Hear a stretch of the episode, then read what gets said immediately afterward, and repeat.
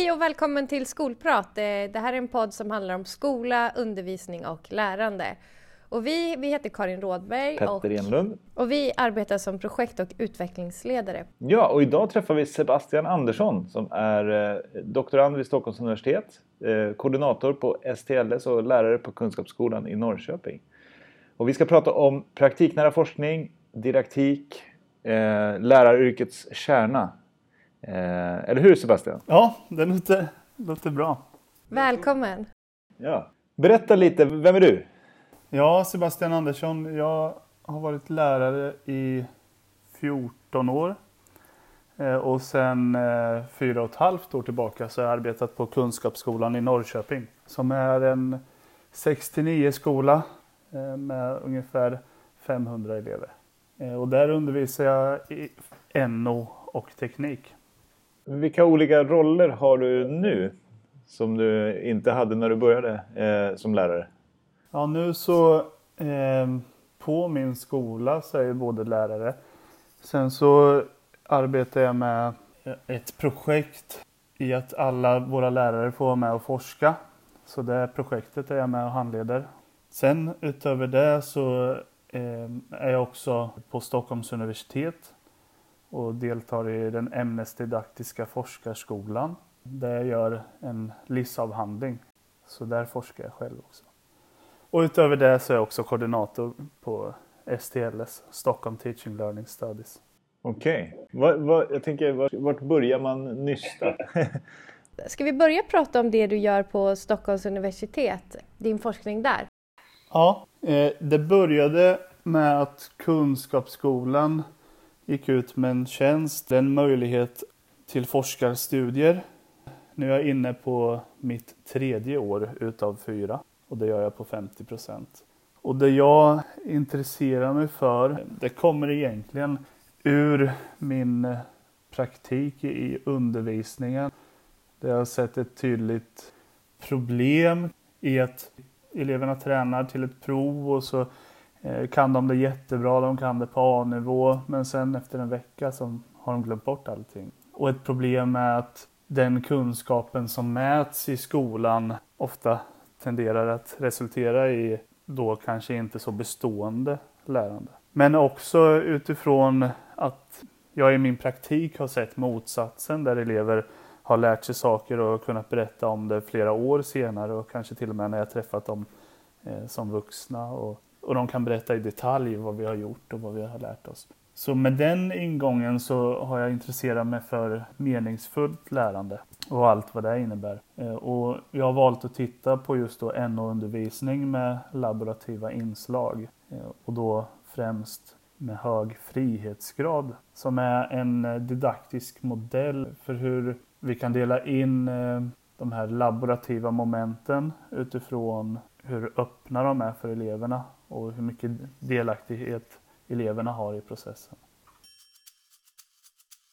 Spännande att höra dig berätta om det här. Men du är på ditt tredje år nu av fyra. Vad har du hittills hittat eller upptäckt i din forskning?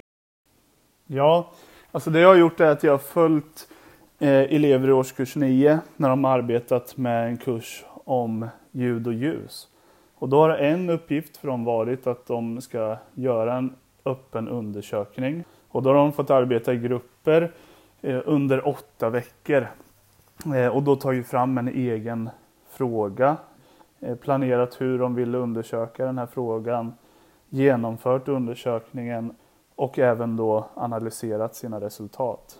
Och jag har spelat in eleverna, observerat och även intervjuat eleverna för att då försöka förstå vad är det för innehåll eleverna arbetar med och vad är det de lär sig eh, utifrån ett lärarperspektiv. Men även utifrån ett elevperspektiv med vad som skulle kunna kallas meningsfullhet eller intresse hos eleverna.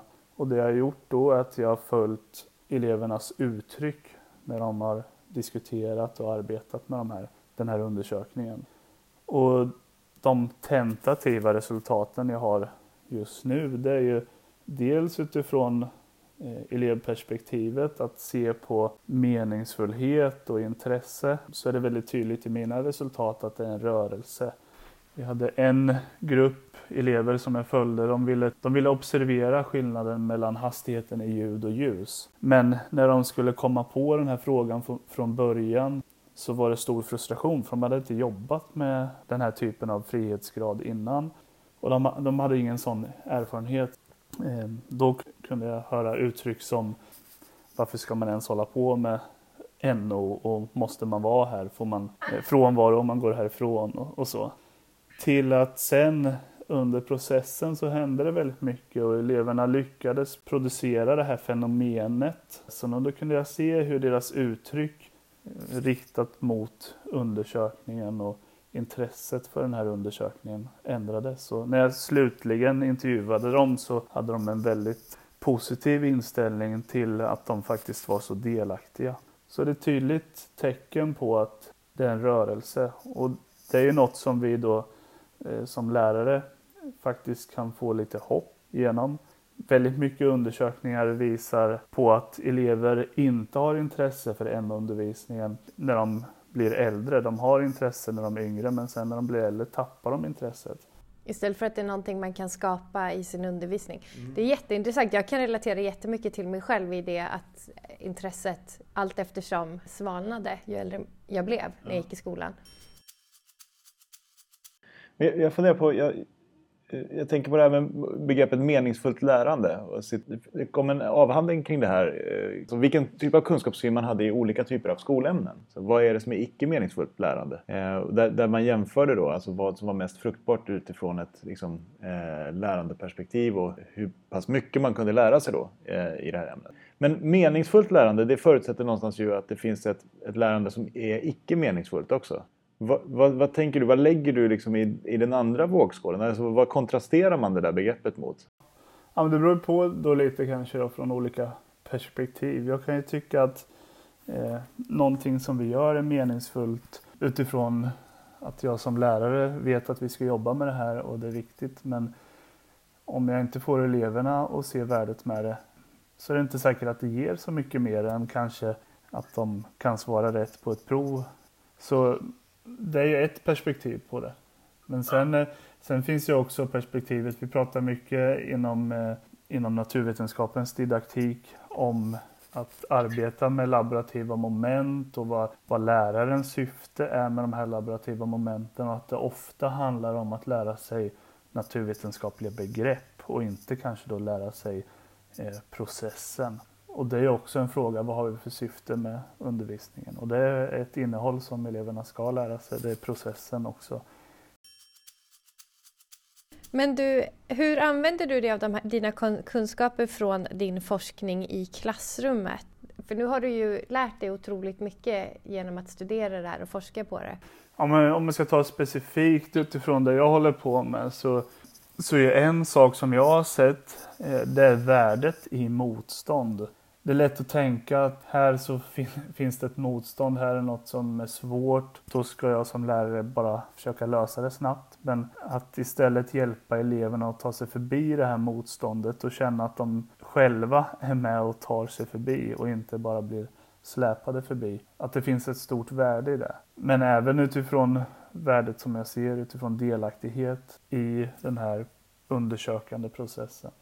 Jag tycker det är jätteintressant det där med att se värdet i mm. motstånd. Det får mig att tänka över hur jag har, hur jag har jobbat med det här när jag, när jag har undervisat. Mm. Om, man, om man planerar för att undvika motstånd eller om man liksom tar tillvara på motståndet. För det, för det är ju ofta när, när det går segt och när man får kämpa och när man får tänka efter. Det är där någonstans det sker som mest lärande ju. Och det är det som är väldigt motiverande också när man verkligen har tagit sig förbi den där det där gapet. Sen är frågan också alltid vad motståndet består i.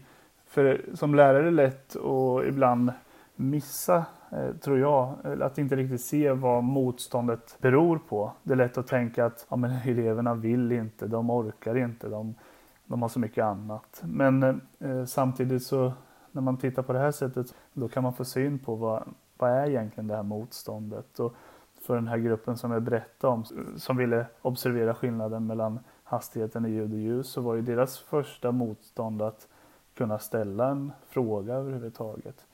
Eh, medan en annan grupp, deras största motstånd blev att kunna producera fenomenet. Den här gruppen ville eh, ha sönder ett glas med ett eh, högt ljud. Och då blev det deras syfte. Och när de inte lyckades så lyckades de inte heller ta sig förbi motståndet. Så det, det, kan uppträda lite var som helst i den här processen också, motståndet. Det kan finnas från början men det kan också komma senare. Jag, jag funderar på det här med, med praktiknära forskning som, som jag vet du tycker är ett väldigt viktigt område att, att röra sig inom när man är lärare och när man eh, arbetar inom akademin också. Att, kan du inte berätta lite om vad, du, vad, vad, vad tänker du kring det här med praktiknära forskning och eh, vad ser du framför dig liksom, vad, gäller, vad gäller det området? Ja, en förutsättning är ju då att det är forskning som görs med och för lärare för att utveckla våran professionsvetenskap. Och väldigt mycket forskning som vi använder oss av i skolan är inte gjord utifrån det perspektivet. Utan istället handlar det ganska mycket om att konstatera eh, problem som faktiskt för oss lärare redan är kända problem vi kan veta att ja, elever har svårt med det här eh, och vi kan veta att lärare inte kan så mycket om det här. Men när vi arbetar med praktiknära forskning då är det frågorna ur praktiken och dessutom genom att vi då tittar på undervisningen så kan vi istället hitta möjligheter. Så jag tycker en väldigt stor utgångspunkt är att eh, väldigt mycket annan forskning eh, handlar inte om att synliggöra möjligheter. Och som lärare så är det en stor risk att man bara känner frustration. Forskning som visar att elever inte har intresse eh, för NO-undervisning till exempel. Istället för att vi har forskning som visar på hur vi kan möjliggöra intresse. Just det. Ser du att det är ett område som är på uppgång? Om du skulle liksom sammanfatta läget? Ja, ja men det är ju väldigt många projekt eh, som är på gång just nu. Och eh, sen då i det här som jag arbetar inom Stockholm Teaching Learning Studies. Eh, det är ju en utgångspunkt i praktiknära forskning. Stockholm Teaching Learning Studies är ju en forskningsplattform för lärare. Dit lärare kan komma med praktiknära problem och eh, då få hjälp och stöd i att beforska de här problemen. Men det, det låter ju som att du är, du är ju väldigt involverad i många olika delar. Så här. Hur får du ihop det här? Nej, men eh, för, för mig är det så tydligt hur de här sakerna hänger ihop. Om vi tar det här med STLS eh, så är det som min VFU om man ska jämföra med lärarutbildning. Att jag då går en forskarutbildning eh, där jag får läsa om massa saker om vetenskapsteori och så vidare. Fast i det här STLS får jag hoppa in i praktiken och börja undersöka. Så det, det blir en meningsfull helhet? Ja, precis. Allting det påverkar varandra och det är också så att genom att jag kommer med ett lärarperspektiv in i att forska så har jag ju andra saker som jag kan bidra med där. För det första att vi alla som är lärare och forskare vi kommer med äkta problem. Men sen också att jag har med mig perspektivet i att det inte alltid är så enkelt som det kan se ut utifrån. Varför mycket forskning kan visa på ja, varför gör man inte bara så här? Varför kan inte lärarna bara säga till eleverna att 1 plus 1 är 2? Och varför måste man förstå vad eleverna tänker när de säger att 1 plus 1 är 1? Jo, men det finns ett sammanhang och 1 plus 1 kan ju bli 1. om det är en sandhög plus en annan sandhög så kan det ju bli en sandhög till slut. Så just det här att förstå det komplexa och även ha olika perspektiv, det blir ett värde för mig i alla mina roller.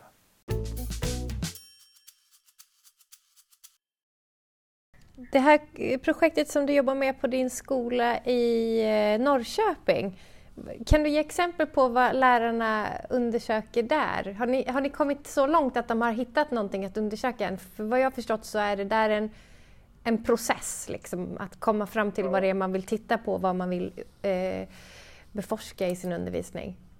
Ja, men det är ju så att på tala om att vilja eh, koppla ihop den, det jag gör Eh, på Stockholms universitet och, och det jag gör på min skola så känner jag att ja, jag vill gärna dela med mig utav den praktiken som jag då får befinna mig i. Eh, och som tur är så är mina rektorer väldigt på när det gäller de här frågorna. Då jag och eh, eh specialpedagogen leder det här projektet tillsammans som vi då kallar didaktiskt djup med inslag av specialpedagogisk grundkompetens.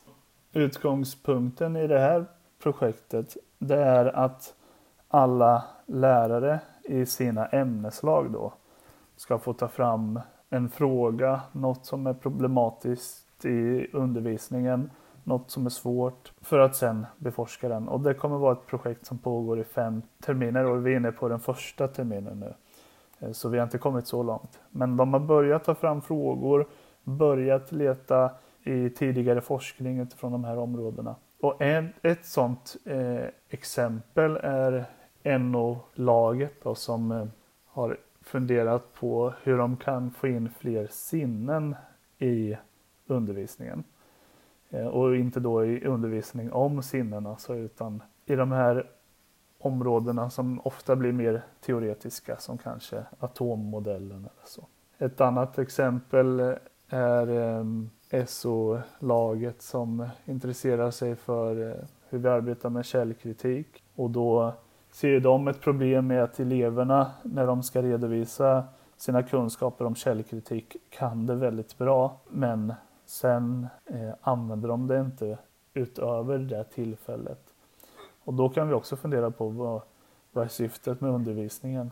Är det att de kan visa eh, och prata om den här kunskapen eller att de kan använda kunskapen och vill använda den, se värdet med det? Alltså det är jättespännande frågor. Det ska bli så spännande att, att, följa upp det här lite längre fram och se, se vad det blir. Eh, så häftigt att en hel skola, alla lärare på en skola gör det här tycker jag. Verkligen. Men du, eh, vi skulle vilja avsluta med att du ger te- tre konkreta tips till lärare som vill använda sig av förhållningssättet från den praktiknära forskningen och intressera sig för det här. Vad skulle du tipsa om då? Ja, då ska jag ge tre tips och sen kanske ett fjärde. För att jag inte alltid vill ha så tydliga ramar, även om jag är naturvetare. Men eh, det första som faktiskt också blir en effekt av att arbeta med praktiknära forskning, eh, det är att intressera sig för problem och eh, utmaningar. Så när vi ser problem i vår undervisning, försök inte bara att eh, bortförklara dem med att det var en dålig dag eller en dålig elev eller vad det nu än kan vara. Utan eh, desto mer vi jobbar med de här frågorna desto mer intresserade blir vi. Så det är väl första. Men det är en effekt av att arbeta på det här sättet. Och sen det andra då, det är att få inspiration från tidigare forskning. Nu finns det Google Scholar som ett jättebra verktyg för att söka efter litteratur eh, och tidigare studier. Men att också då pröva och ompröva det här i sin egen undervisning. Och, och det tredje skulle vara då att verkligen analysera undervisningen med betoning på undervisningen. Inte att försöka analysera eleven eller vad eleven gör för fel eller vad kanske jag gör för fel utan fokusera på undervisningen. Hur kan jag förändra undervisningen? Och då tänka utifrån vad har jag för syfte med undervisningen och titta på handlingen. Vad gör eleverna? Vad jobbar de med? Eh, leder det mot det här syftet. Och det fjärde då, det jag vill pusha på, det är att vi lärare tjatar på skolledning och på alla som styr och ställer med att vi ska få arbeta mer med praktiknära forskning, att det ska vara en del i vår roll som lärare att vi också, också får möjlighet och tid att beforska vår praktik. Bra. Ja, det, var, det, det, fjärde var så pass bra så det var bra att du tog med det också. Så intressera sig för problem och utmaningar, få inspiration från tidigare forskning, analysera undervisningen utifrån hur jag själv kan förändra den och att vi ska tjata på våra skolledare så att det ges tid och möjlighet att arbeta mer praktiknära. Vi måste hjälpas åt och tillsammans utveckla vår professionsvetenskap. Det är väl lätt att det hamnar i att vi ska arbeta med skolutveckling och det är ju viktigt men vi vill också sprida vår kunskap om det vi lär oss och dela, dela med varandra så att vi tillsammans bygger upp en gemensam kunskapsbas. Det är allas uppgift. Jag tänker att det är väldigt tilltalande. Eh, Så att vi som profession bygger, eh, bygger på vår redan gedigna kunskapsbank eller vad man ska kalla det, våra, våra erfarenhet. Och så, och så ställer vi oss frågor utifrån det och sen så försöker vi lära oss lite till. Men, men det finns mer att nysta i här känns det Ja, som. vi får nog återkomma. Jätte, jätteroligt att du kom hit Sebastian. Jättekul! Ja, Verkligen. jättekul att få vara här. Men då så, då tackar vi för idag. Tusen tack. Tack snälla. Skolprat är en podd om skola, undervisning och lärande med oss Karin Rådberg och Petter Enlund, projekt och utvecklingsledare på Kunskapsskolan. tack för att ni lyssnat.